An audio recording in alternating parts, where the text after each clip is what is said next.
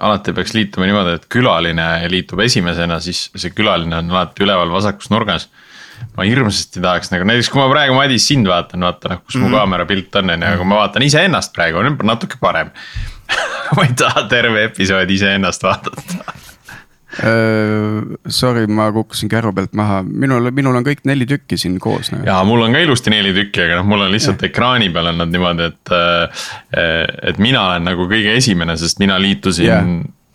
ei, ma ei liitunud esimesena, ma ei tea, miks ei, ma olen üleval vasakus nurgas nagu noh, ma tahaks neid ja. ringi tõsta. ma panen ka vähe suuremad klapid, see on uhkem olla. aa, kuule, mul isegi Riis Aisi neid videosid praegu. saame no. teha Riverside'ile Q8 siin järjest. ja meie, ma. me siin kaks nädalat Q8 teinud. aa, vaata, Martin, kui ma teen, kui ma teen ekraani niimoodi niipidi hästi kitsaks, on ju. nii. siis, siis mina olen ikkagi kõige vasakpoolses ääres no,. ja ise oled küll, aga. ja ma tahaks, et, ma tahaks, et külaline oleks seal vasakul. niimoodi, et okay. siis, siis ma saan nagu võimalikult kaamera lähedale nagu äh, okay, enamus okay. episoodi vaadata. mäletan kunagi kui oli Skype arendas oma audiokoodekit, siis. siis oli see teema, oli seal see, et, et kas me saame sellise ruumilise setup'i teha niimoodi, et, et olenevalt, kus nii-öelda inimene on ekraani peal, siis sealtpoolt ta kõlab mm. -hmm. et ma kujutan ette, et nagu aastal kaks tuhat mingi kaheksa seda teha oli gramm raskem kui praegu, aga aga, aga jah, siuksed teemad olid juba laual.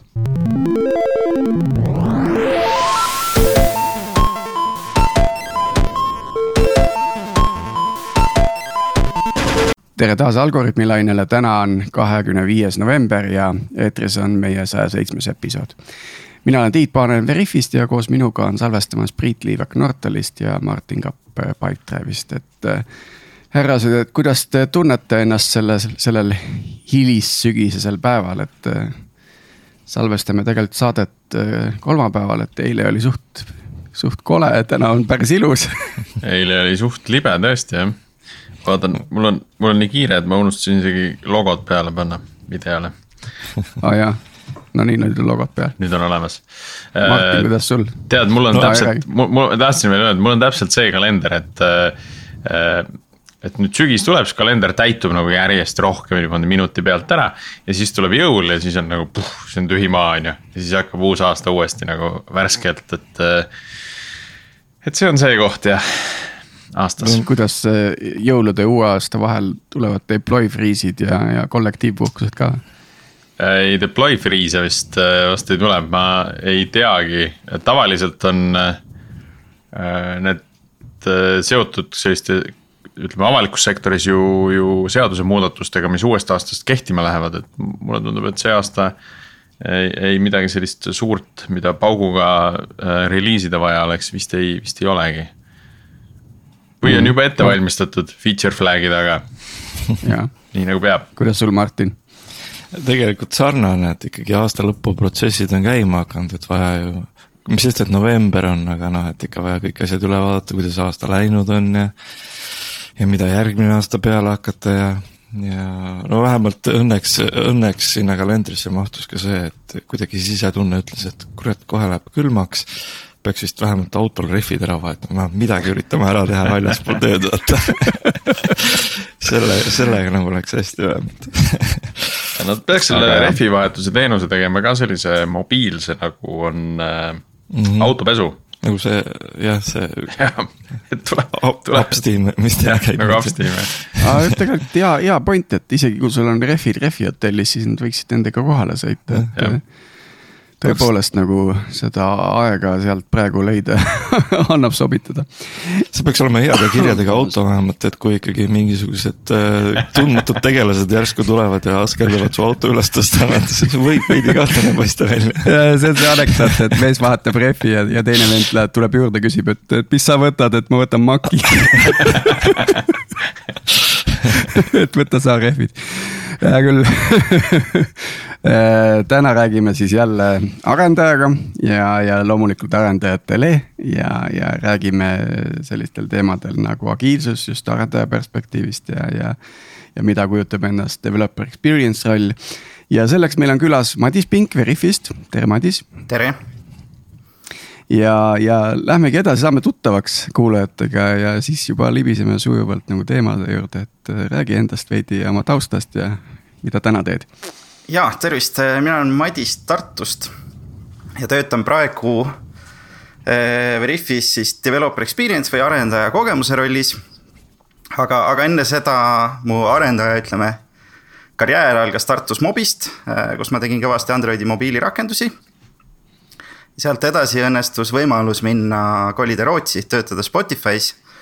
Äh, natuke aega töötasin seal, kolisin tagasi Tartu sihukesesse ettevõttesse tööle nagu Zero Turnaround kus tegime siis Androidi arendajatele suunatud tööriista. ja peale seda väikese contracting vahepausiga äh, töötasin sihukese chat-up'i peal nagu Flip ja, ja peale seda maandusingi Veriffis. Sihuke kiire, kiire, kiire ülevaade. ja, ja sa oled, oled nii-öelda infotehnoloogia hariduse ka saanud, kus, see oli ka Tartust või? jep, jep baka okay., baka informaatika baka Tartust. kuidas mm., kuidas Flipil üldse läheb praegu, kas äh, mina tean äh, mõnda äh,, vist oli klienditiim, kes kasutas Flipi mm. -hmm. Et Flip äh, eksisteerib, ma arvan, et see on kõige õigem öelda. et seal äh, liiga aktiivset arendust hetkel ei käi, aga seal on nagu tiim taga, kes seda maintain ib jah, minu arust Flip on praegu nagu väga hea finantsilise väljavaatega, et kulud on madalad ja tulud on nagu enam-vähem samal tasemel, kus nad kunagi olid, et. jah, ja kasutajale on muidugi hea, et keegi ei tee uut disaini jälle iga kahe aasta tagant, et kõik on seal, kus ta on alati olnud. ja just, just väga tore, kuule, aga Madis, sa oled nüüd Spotify's töötanud, see oli küll ammu, et, et mis sinu roll täpselt seal oli ja, ja millega seal tegelesid mm? -hmm. et ja ma hoiatan siia ette uuesti ka, et äh, see oli seitse aastat tagasi. et prillid on vahepeal päris roosaks tõmmanud, mälu on häguseks läinud, et äh, kindlasti ma millegagi panen mööda. aga sinna ma sattusin kaks tuhat kolmteist ja sattusin tööle sihukesesse kohta nagu Androidi platvormi tiim. Äh, ja Spotify siis juba tollal, nagu hästi paljud teavad, oli sellise cross-functional või ma ei teagi, kuidas see eesti keeles oli ristfunktsionaalsete tiimidega. Äh, kus igas, igas tiimis oli näiteks oma veebiarendaja, oma Androidi arendaja, disainer, data analyst, nii edasi, nii edasi. ja selleks, et need arendajad, ütleme näiteks Androidi arendajad, kes on mööda kogu seda organisatsiooni laiali siis oli üks nii-öelda keskne platvormi tiim, kes pigem jälgis nagu sellist suuremat arhitektuuri. kuidas meil reliisimine käib, kuidas me pilde ja selliseid asju teeme. ja ma siis töötasin selles tiimis ja aitasin nagu sellega kogu organisatsiooni arendajaid või Androidi arendajaid mm. kas see oli siis äh, selline noh, no ma eeldan, et see oli selline päris, päris platvormi tiim, et ühtegi feature'it see platvormi tiim ise Spotify juurde ei teinud, vaid pigem siis just äh, pakkus võimekust ja seda põhja ülejäänud tiimidele. nii-öelda nendele streamline tiimidele, et, et nad saaksid äh, äh, võimalikult kiiresti ja efektiivselt ja kvaliteetselt seda, seda toodet ehitada mm. -hmm, täpselt seal kindlasti oli, ma arvan, mingeid erandeid ka, et noh, kui sul on äh, ütleme, mingi suur projekt on tulemas, mis on võib-olla mingi tähtaja või asjaga, kui sul on kusagil tiim, kus on palju nagu Androidi arendajaid, kes pealtnäha midagi ei tee, et siis sealt võib hea laenata juhtus seda sageli? ei, väga isegi ei juhtunud minu meelest, vot siin ongi see mäluhägusus tuleb ka mängu, minu meelest väga ei juhtunud. Siin võikski korra vaadata sinna sisse siis, et eh, ma olen arend-, Androidi arendaja siis ühes nii-öelda eh, ristfunktsionaalses tiimis. ja, ja meil on mingisugused featuurid, ma oletan, või, või mm -hmm. mingid vaated, mida me omame, eks mm. -hmm. ja mul on mingi ülesanne, kuidas ma siis seda läksin lahendama, et, et kas ma, ma ei tea, võtan, forgin kuskilt master'ist midagi, mis, mis edasi hakkab juhtuma? oi, see on nii hea küsimus ma, ma mainin siia kohe juurde, et jah, see enamasti see tiimide jaotus oli funktsionaalsuse kaupa, et oli search'i tiim, näiteks playlist'i tiim. keegi tegeles playback'iga, nii edasi, nii edasi. Repo oli üks keskne repo. too hetk küll oli meil nagu Androidi repo ja siis ütleme, igal tiimil oli hunnik oma mingisuguseid teenuseid ka. Et meil oli juba, juba siis olid nagu mikroteenused. ja ma jaotaks need mikroteenused veel nagu kaheks, et ma ise olen muidu back-end'i seal väga ei teinud, et ma võib-olla panen väga puusse. aga ma laias laastus jaotaks kaheks, et olid, ütleme, mingisugused toetavad teenused taustal. näiteks mingi, ma ei tea, mingi andmebaasi ees olev asi või midagi sellist. mis rohkem tegelevad äriloogikaga ja siis lisaks olid sellised mikroteenused, mis äh, expose isid või siis avaldasid mingit API-t mingi konkreetse funktsionaalsuse jaoks. et ütleme, search'i tiim, nad vastutasid oma Androidi, veebi, iOS-i kõige UI eest neil oli oma teenus, mida see UI hittis, eraldi väike mikroteenus. ja see teenus omakorda kasutas siis igasugu teisi platvormide poolt pakutavaid teenuseid. ja repode osas, mis on huvitav, et mida me alustasime tol hetkel ja ma arvan, et see nüüd on oluliselt kaugemal, et me hakkasime liikuma vaikselt monorepo suunas. et äh, kui ma seal olin, siis äh, me hakkasime just iOS-i klienti, Androidi klienti ja C++-i core'i, mida nad mõlemad kasutasid nagu kokku liitma üheks, üheks repoks. et ma arvan, et see on seal oluliselt kaugemale jõudnud, ma ei tea, kui kaugele, aga ma oletaks küll mm. -hmm. no mm -hmm. eel, eelmine aasta nad äh, äh, veel oma blogis kirjutasid, et kuidas dokumentatsiooni äh, monoliitide ja monorepode puhul äh, korda teha. Mm.. et, et nad ju, ju nad selle peal veel on. Ja, ja mis selle nii-öelda see kaasatulev väärtus on siis, et, et liikuda sellisest fragmenteeritud mudelist tsentraalsesse mudelisse? Mm? -hmm. ma arvan, et seal on kaks suurt plussi, ma, ma räägin miinustest ka Mm -hmm. et see miinuste pool kõigepealt on, et sul on päris hirmus Giti logi, kui sa lihtsalt nagu juurekaustast teed git log või mis iganes asja sa kasutad. ja see tooling on päris keeruline, et äh, klassikaliselt sa mõtled, et üks repo, üks build, aga korraga mul on üks repo nagu kõik. et noh, ilmselgelt me ei build'i tervet projekti alati korraga. Äh, et see tooling overhead on suur, aga mis ta endaga kaasa toob plusside poole pealt, on see, et. Äh, esiteks sa saad testida väga hästi, et kui sul on, ütleme, kõik need projektid ja moodulid omavahel väga kenasti kirjeldatud et siis sul on täiesti võimalik, et sa teed mingisuguses, ma ei tea, logimis library's või mingisuguses äh, väga nagu juure library's teed muudatuse ja sa automaatselt jooksutad ka kõik downstream või nagu nii-öelda selle peal toetuvad projektid nagu testidega läbi. et see, see on nagu päris tähtis, eriti et kui sul läheb tiim suureks, projekte on võib-olla sadu tuhandeid. platvorm tiimis mm. -hmm. Seal on nagu eriti see hea, kui sa saad selle läbipaistvuse, et mida sa siis päriselt mõjutasid nüüd selle muudatusega jah, jah, mis sa katki tegid, eks, täpselt. ja, ja teine asi on see, et äh, refaktoreerimine läheb nagu järgu võrra suuremaks, sest sa ei tee seda korraga enam mitte ühes projektis, vaid ütleme, et ma lisan mingisuguse funktsiooni, uue parameetri, suht tavaline asi.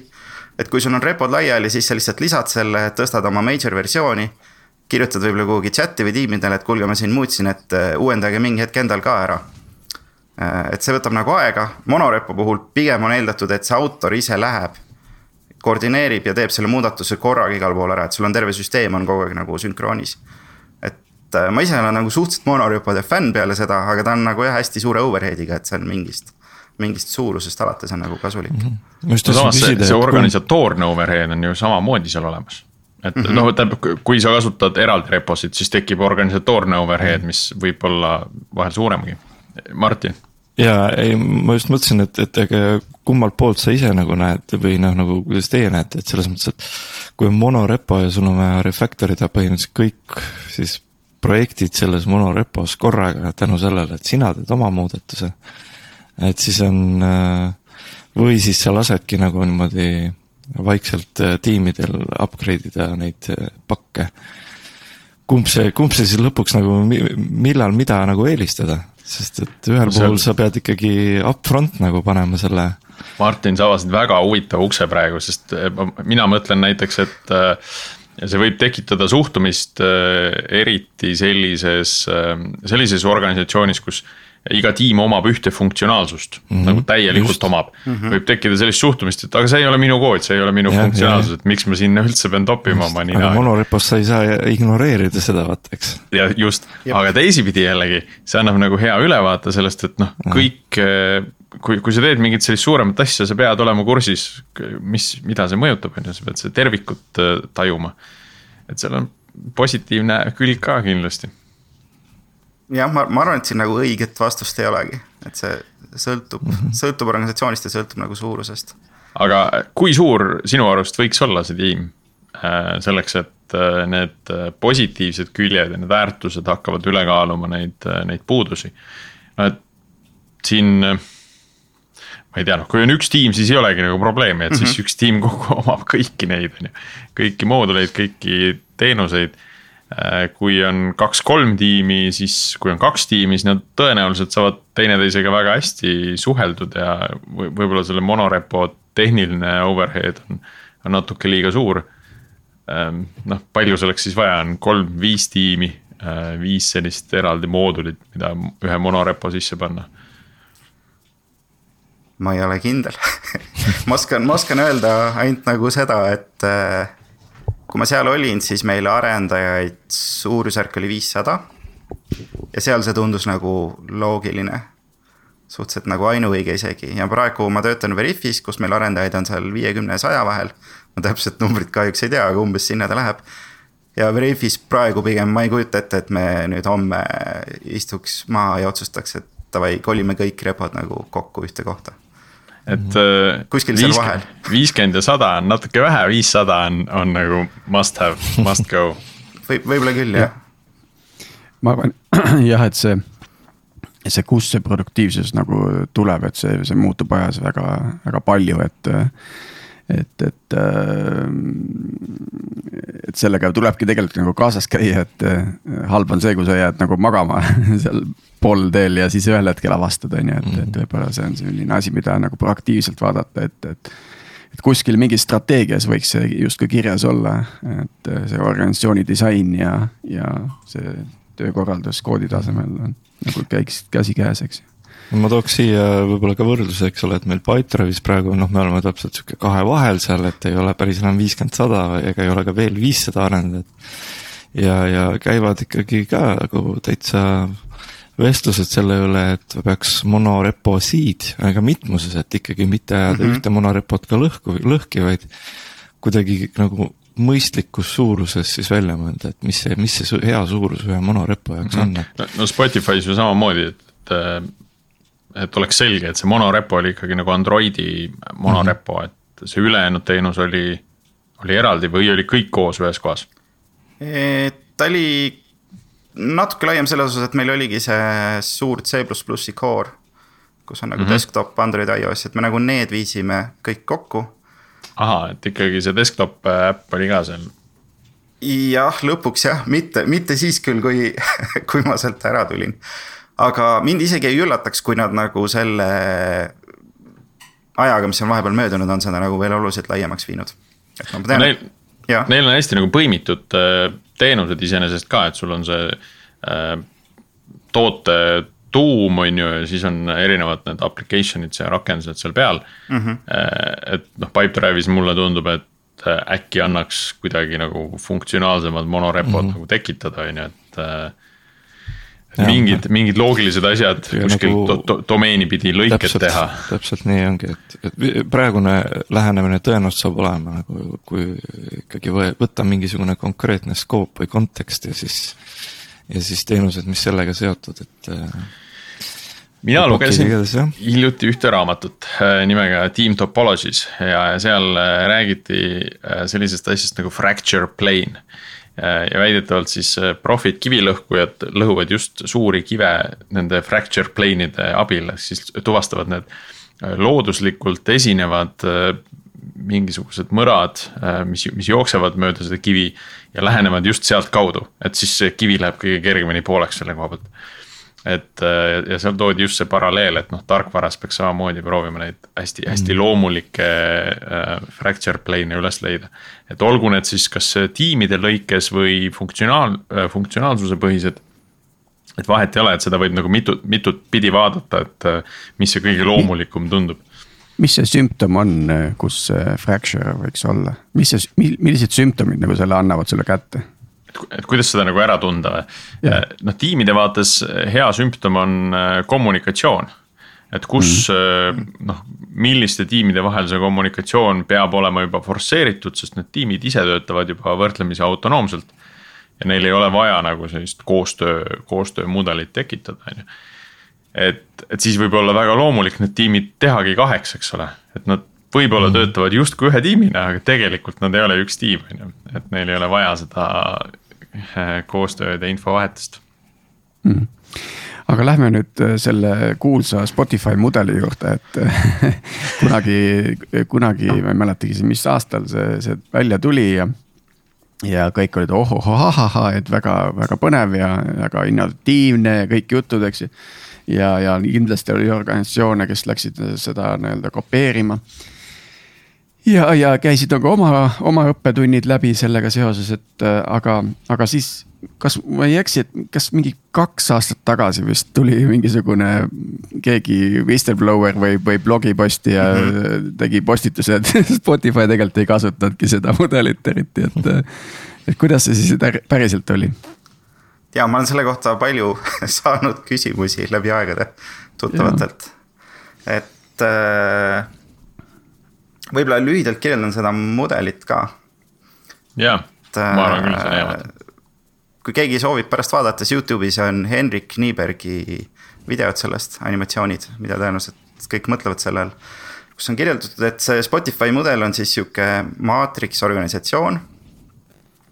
kus ongi need rist, ristfunktsionaalsed tiimid. Ja nüüd naljakaks läheb see, et kõik see terminoloogia on teistsugune, et tegelikult ei ole mitte tiimid, vaid on äh, jaod või siis squad'id. kes siis omakorda grupeeruvad kolme pidi isegi, et see ei ole võib-olla isegi mitte maatriks, vaid kuup. et nad äh, grupeeruvad äh, chapter itesse. ja chapter'id siis äh, tribe idesse ja tribe on justkui mingisugune division siis äh,. ja lisaks sellele chapter'ile nad jaotuvad ka guildidesse. et siis minu näitel, kuna seda ma täpselt tean äh,, mina siis kuulusin client infra tribe'i, mis siis tegelebki selle nii-öelda kliendirakenduste platvormiga. Androidi chapter'isse ja siis lisaks ma omal nagu vabal valikul kuulusin seal äh, näiteks Go guild'i, testimise guild'i. Ma ei mäleta, kas meil Androidi guild ka oli, meil oli võib-olla mobile guild üldiselt. ja siis. Guild on sellest kõige arusaadavam minu jaoks üldse jah, no tegelikult on isegi lihtne võib-olla, vot ma ei, ma ei ole kindel jah. ja mis, mis siin see idee oli siis, et võtangi gildid kõigepealt, et gildid on kõige lihtsamad, et see on selline pool mitteformaalne, ütleme nagu igapäevatöö väline kommunikatsioonikanal, et meil oli oma mingid kanalid IRC-s, hiljem Slackis. meil oli oma mingi mailing list, aeg-ajalt tegime mingeid üritusi, keegi tegi ettekandeid nagu ühel konkreetsel teemal, et siin on nagu mingi teema, huvilised kes tahaks nagu seda nii firma sees kui väljas näiteks õppida midagi või edendada. kogukond. jah, community, kogukond jah, täpselt. et siis need squad'id, võib lihtsalt öelda, et need on tiimid, minu meelest kui ma õigesti mäletan, siis see idee panna nagu veidrad nimed oleks see, et kui inimesed alustavad Spotify's, et siis nad unustaks ära kõik need äh, asjad, mis nad on mujal nagu omale külge saanud. et siis meil on uued nimed, et siin me teeme teistmoodi, et äh, see oli minu meelest see mõte seal taga. ja squad'id on põhimõtteliselt tiimid ja need tiimid kuuluvad siis otse sisuliselt selle tribe'i alla. ja siin see ristpool on siis või see maatriksi pool on siis see chapter. ja selle idee oli siis selline, et äh, sinu nii-öelda liini, liini pidi nagu ülemus on siis see chapter'ist ja tema nagu vastutab ühe valdkonna eest selle tribe'i sees. ehk siis näiteks Androidi arendajad. ja mõte seal taga oli see, et hästi lihtne oleks liigutada inimesi ümber, kui on, tekib vajadus. et sellel chapter lead'il nii-öelda, et tal on ülevaade kõikidest tiimidest, mida nagu Androidi inimesed seal teevad. Ja kui ta kusagil ütleme näeb näiteks, et kas keegi on mingis tiimis õnnetu. Äh, või võib-olla mingis tiimis on jõudu üle ja teises tiimis on just puudu. et siis tema saab nagu ülevaatlikult teha neid otsuseid, et nagu inimestel oleks hästi lihtne liikuda nende tiimide vahel et nüüd, mis praktikas vist äh, oli, ma ei ole kindel, kui palju neil seda enam on, et seda vist nii väga vaja ei läinud.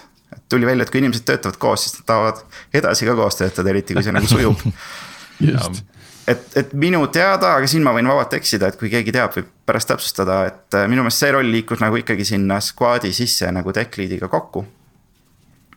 ja siis squad'i, squad'i leadership oli rohkem selline klassikaline, et oli tooteinimene või product owner äh,. oli siis nagu tehniline juht ja siis oli äh, üks agiilne coach ka või äh, nii-öelda scrum master et see on, see on nagu see Spotify agiilne mudel ja ma ise ei ütleks, et me päris üldse ei kasutanud seda, aga pigem see oli selline ideaal, mille poole pürgida.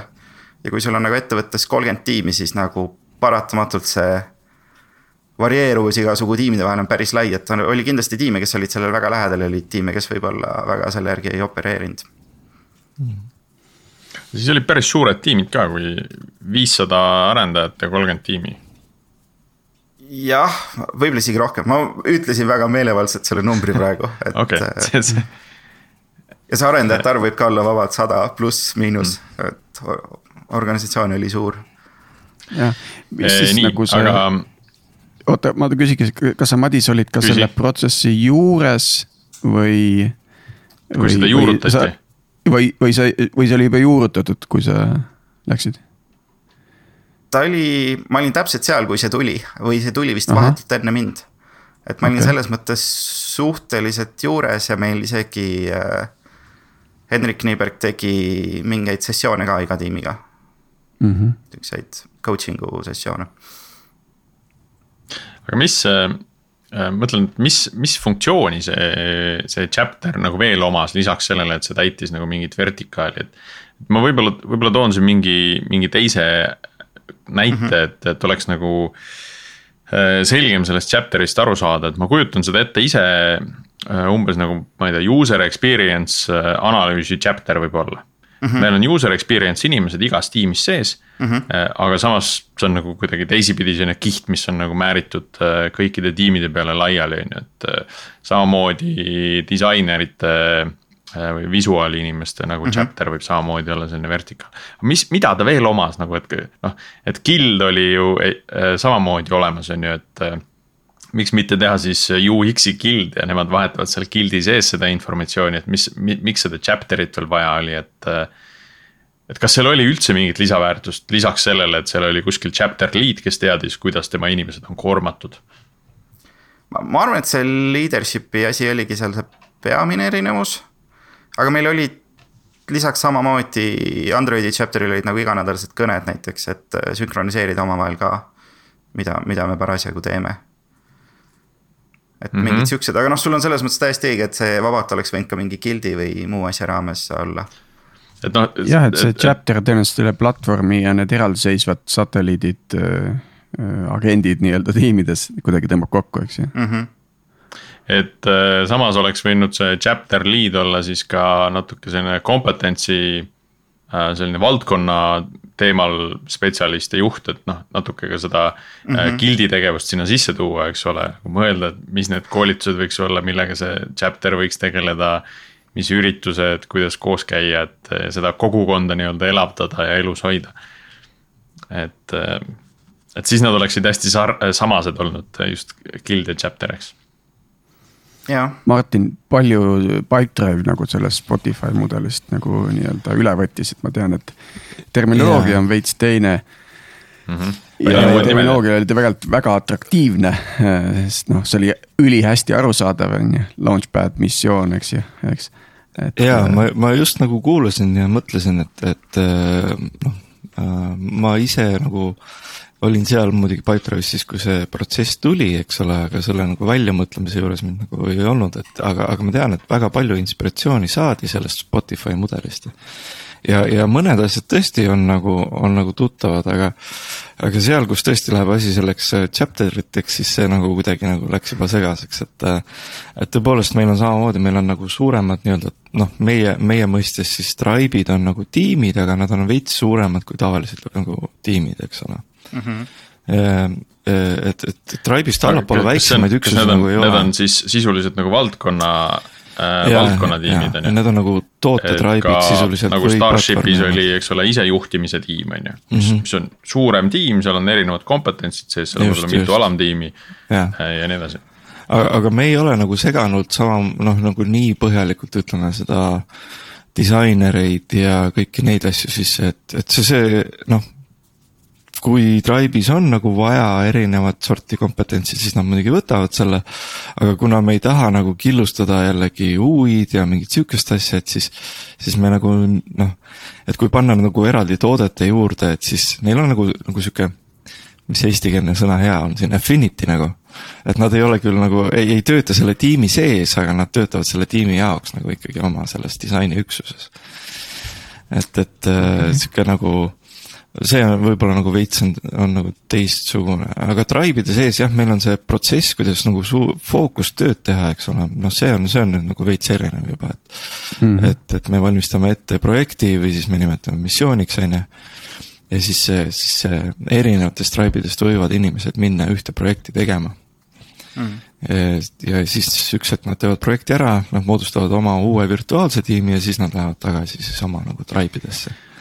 Jah, sellise swarming mudeliga üldiselt see concern, mis mul on, on see, et äh, kui me võtame nüüd alustava tiimi, siis ta käib läbi teatud arenguetapid äh, nii inimsuhete mm -hmm. kui ka nagu töökorralduse ja workflow osas.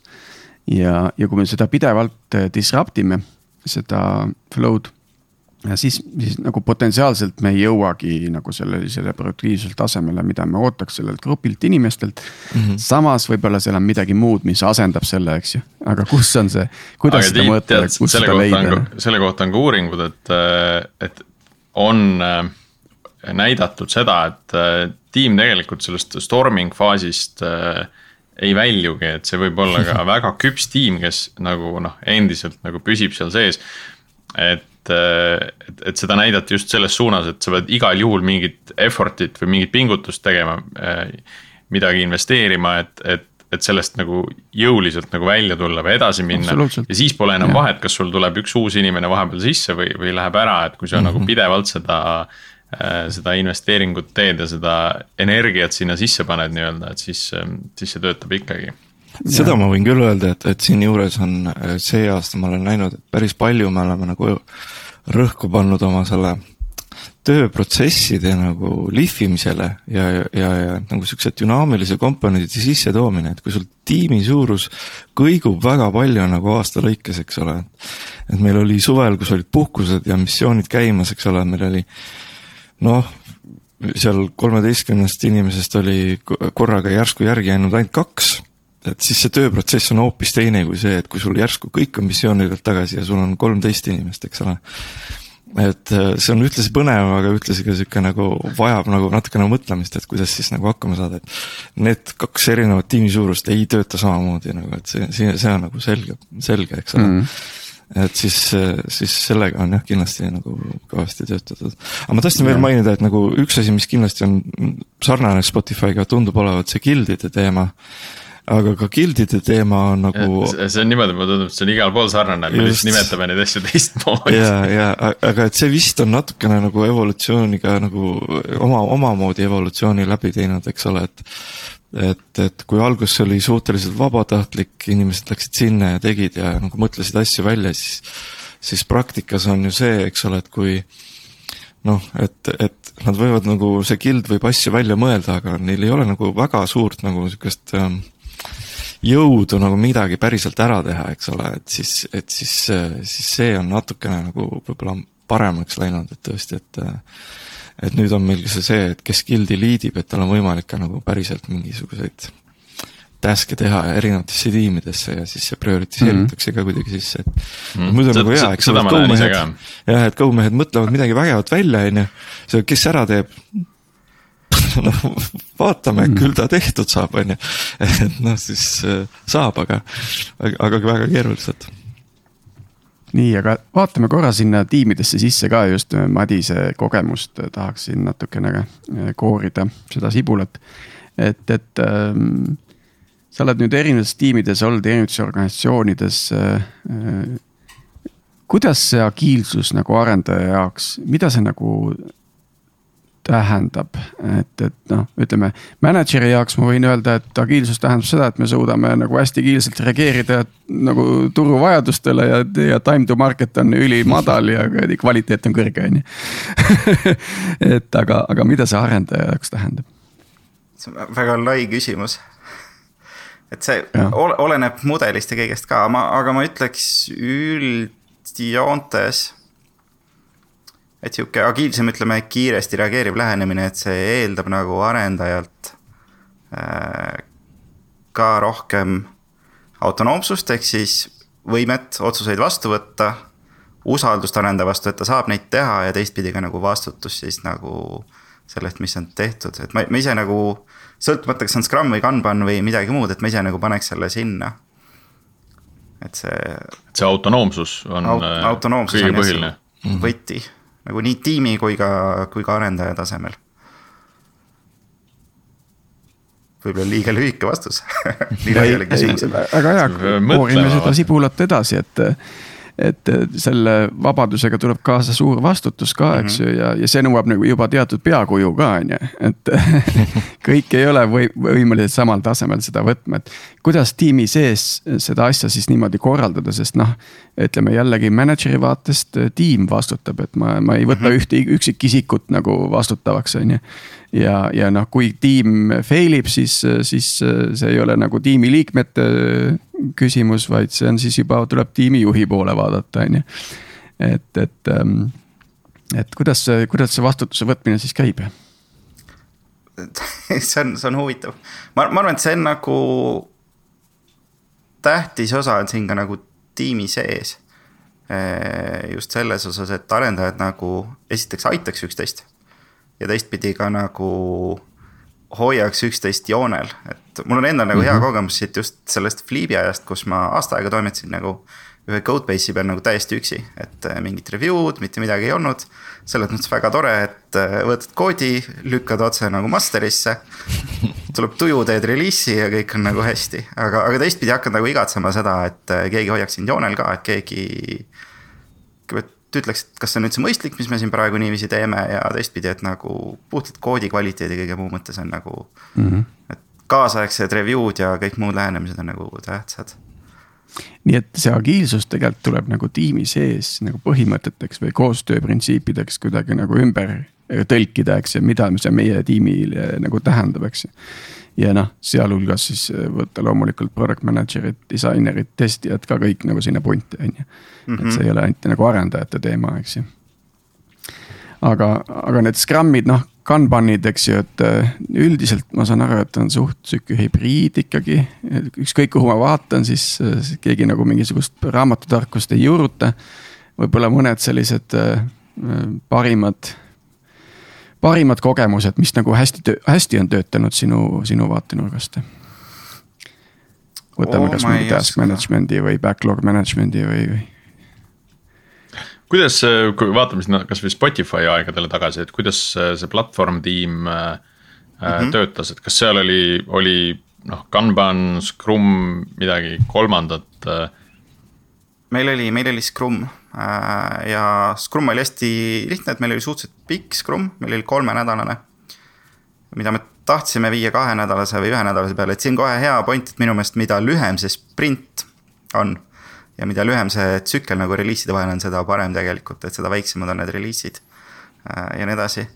et kuna me ship isime nagu binaari, et äh, see on nagu üks hästi huvitav vahe, mille peale alguses kohe võib-olla ei tulegi, et kui sa nagu tegeled veebi või back-end'i rakendusega, et siis sa tõenäoliselt deploy'd mitu korda päevas, kui midagi läheb nihu, siis sa lihtsalt teed rollback'i, deploy'd midagi uuesti aga kui sa lükkad nagu rakenduse kasutajate telefoni, siis tõenäoliselt läheb päevi, enne kui nad järgmise uuenduse saavad. et sul see riski, riskitase on hoopis teistsugune. pluss tagasikeeramine on ka vist äh, pisut keerulisem. jah, tagasi, tagasi üldse võtta ei saa tegelikult. sa saad edasi, no jah, sa võtad eelmise versiooni, teed sellest uue versiooni. jah, jah, jah, aga noh, see nagu uueneb nii nagu kasutajad ise oma seadmeid konfinud on, et see äh, võib, võib olla päris keeruline et siis meil oli jah, see kolm nädalat lihtsalt seepärast, et me ei tahtnud liiga tihti reliisida, aga siht oli kahe nädala suunas. ja üks asi, mis just selliste binaaride ship imise poole peal nagu meil hästi toimis ja mida ma arvan, mida enamus nüüdseks kasutavad, on selliste reliisi rongide teema. Et sul mm -hmm. iga kahe nädala tagant läheb seis lukku. see, mis parasjagu selle põhibranchi peal on, sellest teeme release branch'i, testime läbi ja see läheb laivi. ja see võtab nagu ühtepidi on selline, et okei okay,, aga kuidas, et mul on ju tähtajad, et äh, eriti, et kui sul on need, me oleme nagu platvormitiim meil oli hunnikus neid erinevaid, ma ei tea, search'i tiime või playlist'i tiime, kellel olid võib-olla mingid omakorda commitment'id, asjad, midagi välja saada. et see tekitas selle poole pealt hästi palju valu. Et sorry, aga läheb kahe nädala pärast. aga teistpidi, see oli ka nagu kindlus nendele tiimidele, et nad teavad, et kahe nädala pärast see välja läheb. et mis mm -hmm. nagu mhm. hästi tihti võib juhtuda just sihukeste, ütleme nagu. Scope'i põhiste reliisidega, et nad hakkavad venima ja siis sul läheb nagu kuu aega või poolteist kuud või veel hullem, ütleme kolm kuud ilma mingi reliisita ja siis see reliis läheb nagu väga-väga suureks jurakaks, kus on palju muudatusi. Midagi läheb katki, keegi ei tea, mis asi see kusagil oli ja siis on nagu korralik tulekahju. et, et see oli nagu sealt platvormi poolt hästi tähtis, et, et meil olid stabiilsed reliisid ja see oli nagu väga kindlalt väljapoole pidevalt kommunikeeritud, et millal ja kuidas mm -hmm. nad liiguvad, mis sisse läheb ja mis välja läheb ma saan aru, et noh, vaata toote, toote release train oli nagu kaks nädalat ja toote mm -hmm. sprint oli kolm nädalat. aga platvorm tiimina te oleks saanud ju ka nädalasi sprinte teha või, või mis seda takistas nagu selles, selles setup'is? ei takistanudki midagi, nad olid muidu samad, et ma selle parandan ruttu ära, et meil oli alati see release ja sprint olid mm -hmm. koos. Okay. et see oli nagu loogiline, et ta oli alguses kolm ja me liikusime kahe suunas see mõnes mõttes on äh, ikkagi, et sa ütled, et see valus koht võib olla noh, tootejuhi seisukohalt, aga tegelikult on see ju valus ainult niikaua, kuni sa oled uus ja kogenematu selles vallas, et siis sa ikkagi hakkad juba arvestama. Et mm -hmm. reliisid on sellised, et siis sa ei, luba välja seda noh, mingit featuuri valel ajal, eks ole, et kui siis reliisi ei ole, eks. ja tegelikult tõesti, et noh, ma ka näen küll, et siin on kindlasti nagu kohanemise periood, eks ole, aga aga samas tõesti, see nagu sa ütlesid, et see kindlus, et sa tead, et okei okay,, ma lõpetan kas või poolteist nädalat varem oma asja ära, mul jääb poolteist nädalat aega veel testimiseks ja siis ma tean, et siis see läheb nagu mm. -hmm. et, et seal on ju ka päris suuri plusse iseenesest, et. See on, see on no commit'i võtmine ka, et, et sa oled mm -hmm. lubanud teisele tiimile välja ja see teine tiim hoiab sind accountable selleks, et, et see asi saaks valmis ja et samas nemad saavad ette valmistada selleks, et see, see funktsionaalsus tuleb eks mhm. ole. -hmm. ja siis üks äh, asi nagu tehniline nipp, mis ka aitas seda nagu hoida. et me kasutasime hästi palju igasugu feature toggle eid ja feature flag'e. Et isegi kui see, ütleme, on meil juba release candidate faasis ja siis me avastame, et pagan, et see uus asi, ta mm -hmm. ikkagi ei toimi, et nüüd meil on variant, et kas me nagu jätame release'i ära. siis alati, kui vähegi võimalik, me lihtsalt lülitasime selle välja või, või noh, veel parem, et ütleme, et kui midagi läheb laivi või halvem, sõltuvalt kust vaadata Äh, et siis me saame nagu alati selle katkise funktsionaalsuse ruttu laivis välja lülitada, et kui sul on miljonid kasutajad, see on ka päris tähtis. kuidas mm., kuidas te neid feature flag'e haldasite, oli selle jaoks ka mingi vahend või tööriist olemas? Meil oli oma kodu kootud asi mm. -hmm. Yes. päris, aga see oli päris tuus, et äh, tehnilises mõttes see oli võimalik niiviisi, et sul feature flag oli mingisugune väike jupp Pythoni koodi, mis run'is iga login'i peal mm.. et sa said nagu päris peent loogikat seal teha, oma mingeid AB testi paketeid, igasugu värke, et see oli, see oli äge tegelikult. Põhimõtteliselt eh, kuskil back office'is, kus sul on sul suur list key value sid ja. ja siis äh, rakendus käima panna, siis tõmbasid alla selle setting'id või? või see läks otse ikkagi sisse? Remote'i said ka nagu keerata või? ta tuli ikka käimamineku peale, aga ta oli nagu mm -hmm. sihuke segu mingist fixed value dest ja ütleme on the fly arvutatud asjadest mm. -hmm. okei okay. mm -hmm okei okay,, aga äh, nüüd äh, liiguks edasi, vaataks äh, sinu tänastele tegevustele, et me oleme siin koos, koos välja mõelnud nagu sellise rolli, mis on developer experience. ja, ja võib-olla Madis, sa oma sõnadega äkki lahkad natuke, mida sa täna teed ja miks see on vajalik, mida sa teed mm. -hmm. et see on ühe poole pealt ma ütleks, et see on midagi, mida ma olen kogu aeg teinud et ta on lihtsalt nagu teistsugune, teistsugune nimi samale asjale. ja ma ütleks, et see roll ta on Androidi maailmas on väga, väga nagu teada roll juba, kus on enamasti on pilt keeruline, et ta on välja kasvanud. enamasti sellest tüübist, et igas tiimis on see üks tüüp, kes teab, kuidas CI töötab ja kuidas Gradle töötab ja. kõik nagu lähevad tema juurde tavaliselt, et ta nagu sealt osaliselt välja kasvanud. ja ta on, ma ütleks sihuke nii-öelda nagu Venni diagrammina kusagil seal äh, IT ja quality ja DevOpsi nagu ühisosa juures. ja see. ta on, see on nagu vaba radikaal, et äh, pendeldab siit mm, -hmm. liigub ja. ringi seal, kus, kus vaja olla on, seal on põhiliselt.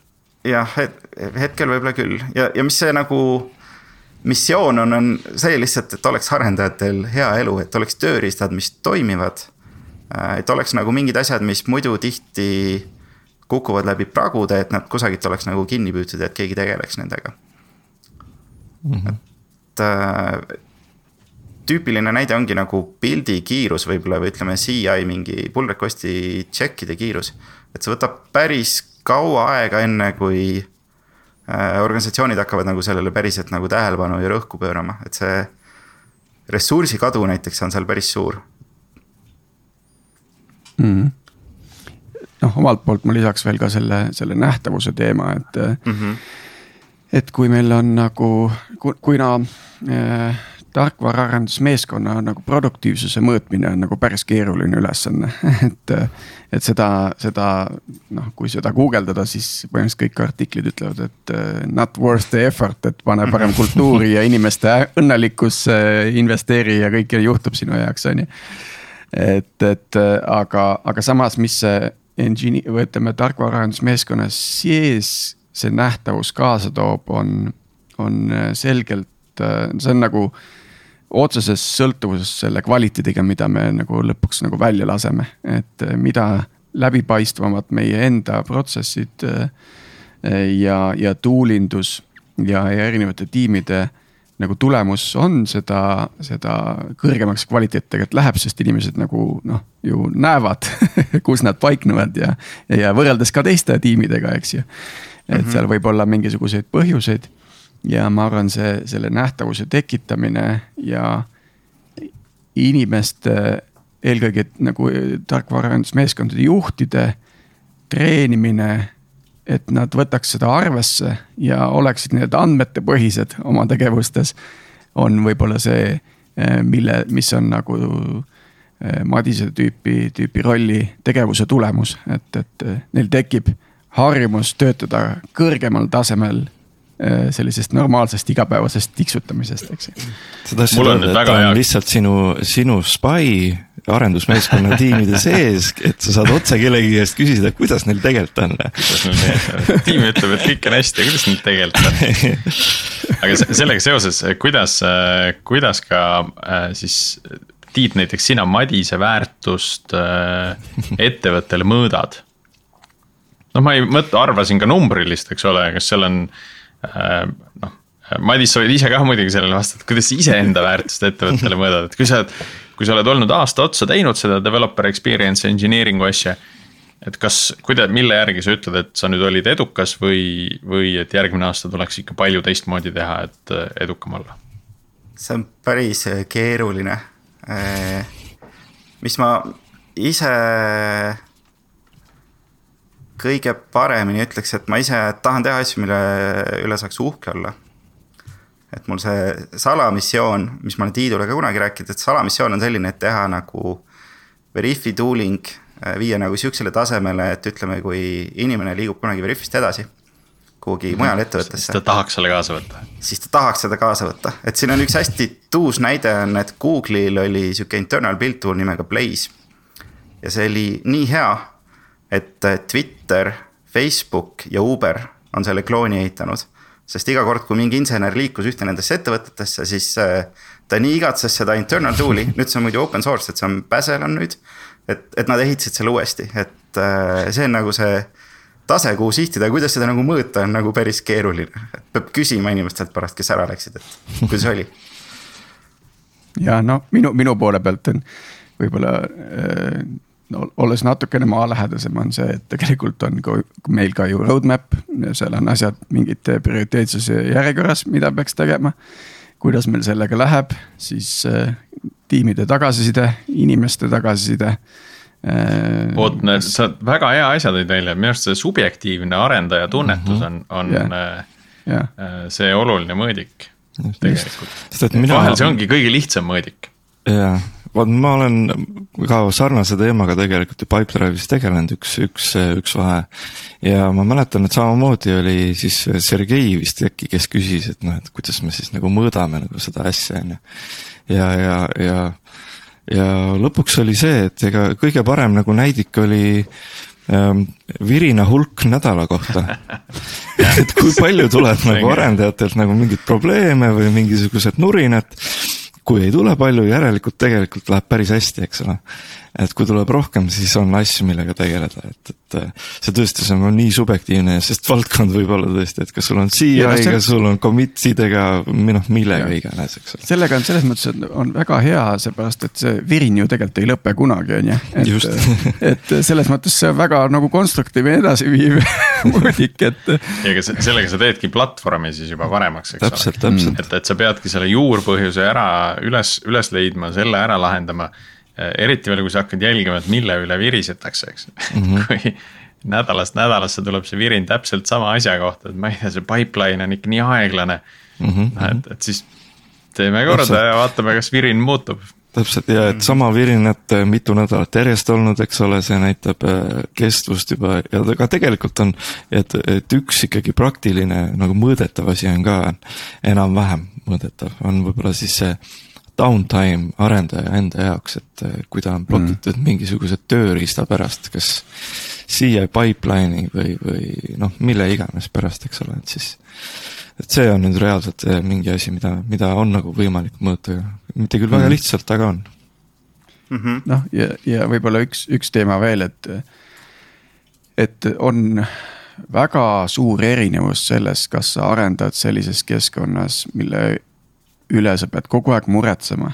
või sa mm -hmm. saad arendada keskkonnas, mille sa saad igal hetkel ära niukida, eks ju. ja uue provisioneerida, et, et see on nagu see, see on see downtime'i ja selle nagu waste'i pool, et, et kui sa pead kogu aeg seda hoidma nagu näpu otsa peal nii-öelda, et siis see on ikka keeruline.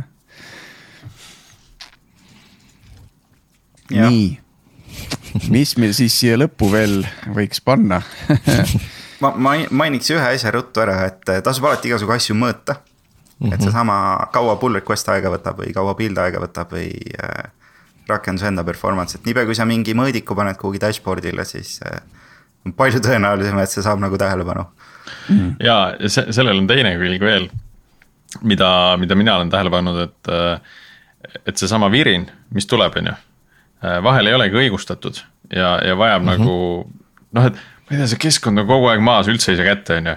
noh ja siis võtad andmed välja, vaatad, et ahhaa, viimase kahe kuu jooksul kaks minutit oli maas et aga noh, see, see subjektiivne, see tunne või see emotsioon on sageli see, mis on nii tugev, et see mm -hmm. jätab nagu äh, sügava jälje või tõmbab sügava vao sinna, sinna mm -hmm. hinge ja siis et see, seda, seda ma mäletan ka, et, et see, see negatiivne tõesti, see kumab veel nagu nädalaid võib-olla tagantjärgi, eks ole, et siis äh, hästi oluline töö oli, ma mäletan ka kommunikatsioon ikkagi, et kui sa teedki seal süsteemis develop, developer experience'is mingisuguse kõva muudatuse, on ju et siis see, et see kõigile kohale viia, et kurat, tegelikult meil on ikka päris hea, et see, see on ka kindlasti väga suur osa sellest, et inimesed ei jääks oma sellesse vanasse arvamusse kinni, võiks öelda, või, või et nad oleksid ka teadlikud sellest, et tegelikult on päris ägedaid asju juba. Madis, kas, kas sinul on selle kommunikatsiooni jaoks mingisugune parem nipp ka, kui see, et äh, käiagi päriselt äh, tiimide juures ja rääkida neile ise, olla see evangelist, et kuidas asjad on ja kuidas asjad võiksid olla ma ei ole, ma ei ole siin ühtegi hõbekuuli näinud, et ma arvan, et tuleb kasutada kõiki vahendeid, et Kahju. mingid announce'id kuskil kanalites. kui ettevõttel on mingid demo võimalused, siis kindlasti neid kasutada. kirjutada võib-olla internal blogisse poste mm. -hmm. ja lihtsalt nagu puhtalt tiimidele rääkida ka, et. Äh, kui sa tead, et midagi saaks paremini teha või et meil on mingi parem tööriist ja sa näed, et mingi tiim ei kasuta, siis lihtsalt korraks mainida, et hei, meil on sihuke variant ka olemas, te võib-olla ei teagi gildid, gildid on olulised siin ka mm.. jah, absoluutselt. väga hea sellist asja levitada, sellist infot. no tore, me oleme siin vaadanud nüüd äh, si nii siiapoole Läänemerd kui, kui sinnapoole Läänemerd, et, et äh, tõmbaks praegu joone alla ja, ja suur aitäh, Madis, et tulid saatesse ja. ja valgustasid natuke seda, mida meie täna teeme ja mida sina varem oled teinud nagu Spotify näitel, et kindlasti kindlasti hea, hea info kõigile kuulajatele ka ja sellel val-, selles vallas edasi oma mõtteid mõelda aga aitäh veel kord ja, ja aitäh ka kõigile kuulajatele, jääme kuulmiseni juba järgmisel nädalal ja nagu ikka, algoritm, et geenius.ee võite kirjutada ja joonistada meile oma mõtteid. siiamaani pole mitte ühtegi pilti saanud. pilti pole tulnud veel, aga mõtteid on saadetud, mis on tore, et ja. Äh, toimetame need ära ja, ja paneme saatesse ühel või teisel moel. Kuulmiseni järgmisel nädalal. aitäh kutsumise eest.